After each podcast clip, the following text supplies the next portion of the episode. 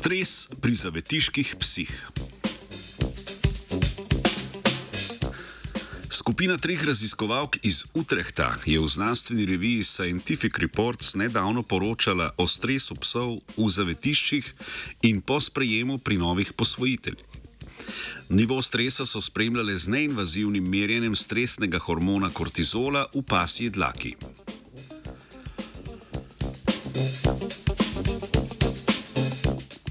Psi trpijo za kroničnim stresom v okolju, ki za njihovo življenje ni optimalno. To se lahko zgodi tudi v zavetiščih, kjer je ogromno živali v manjših prostorih in brez lastnikov, s katerimi bi imeli posebno vez.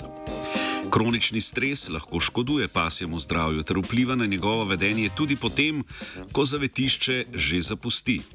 Ob stresu se tako pri ljudeh, kot tudi pri psih sprošča hormon stresa kortizol.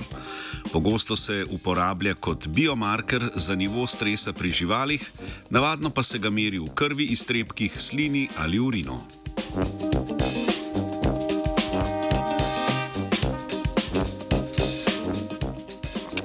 Znanstvena skupina je tako merila nivo kortizola v dlaki, saj ta lahko pokaže odlaganje kortizola skozi daljši čas.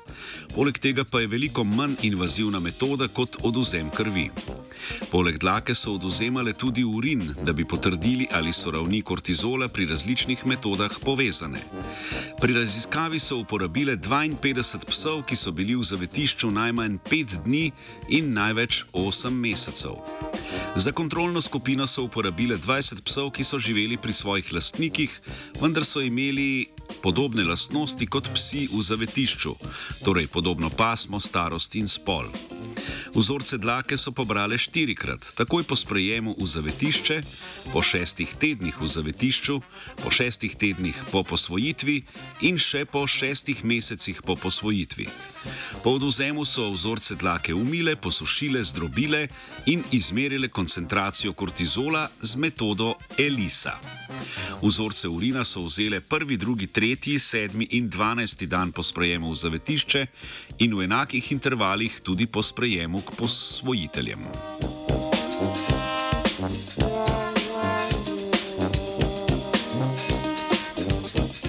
Opazile so, da je raven kortizola ob sprejemu v zavetišče relativno nizka in celo primerljiva s kontrolno skupino.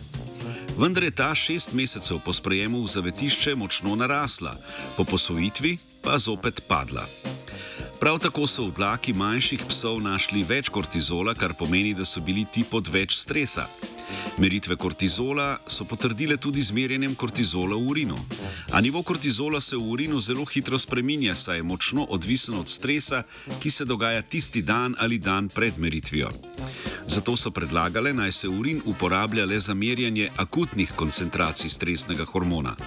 Dlako pa bi se lahko uporabljalo za spremljanje kroničnega stresa, saj se kortizol v dlaki odlaga dalj časa, torej vse čas rasti dlake, dokler ta ne odpade. To pomeni, da lahko v dlaki spremljamo nivo kortizola skozi daljši čas in s tem sledimo kroničnemu stresu živali.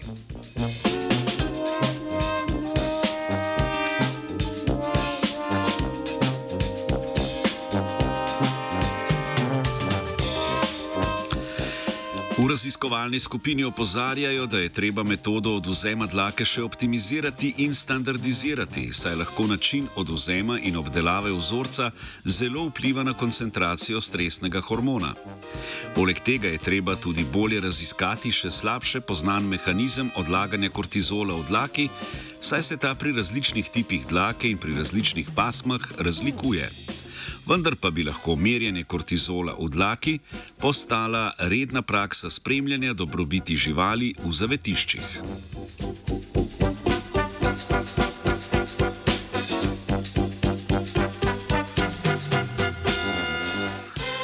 Z nastresiranimi psi se je ukvarjala Dora.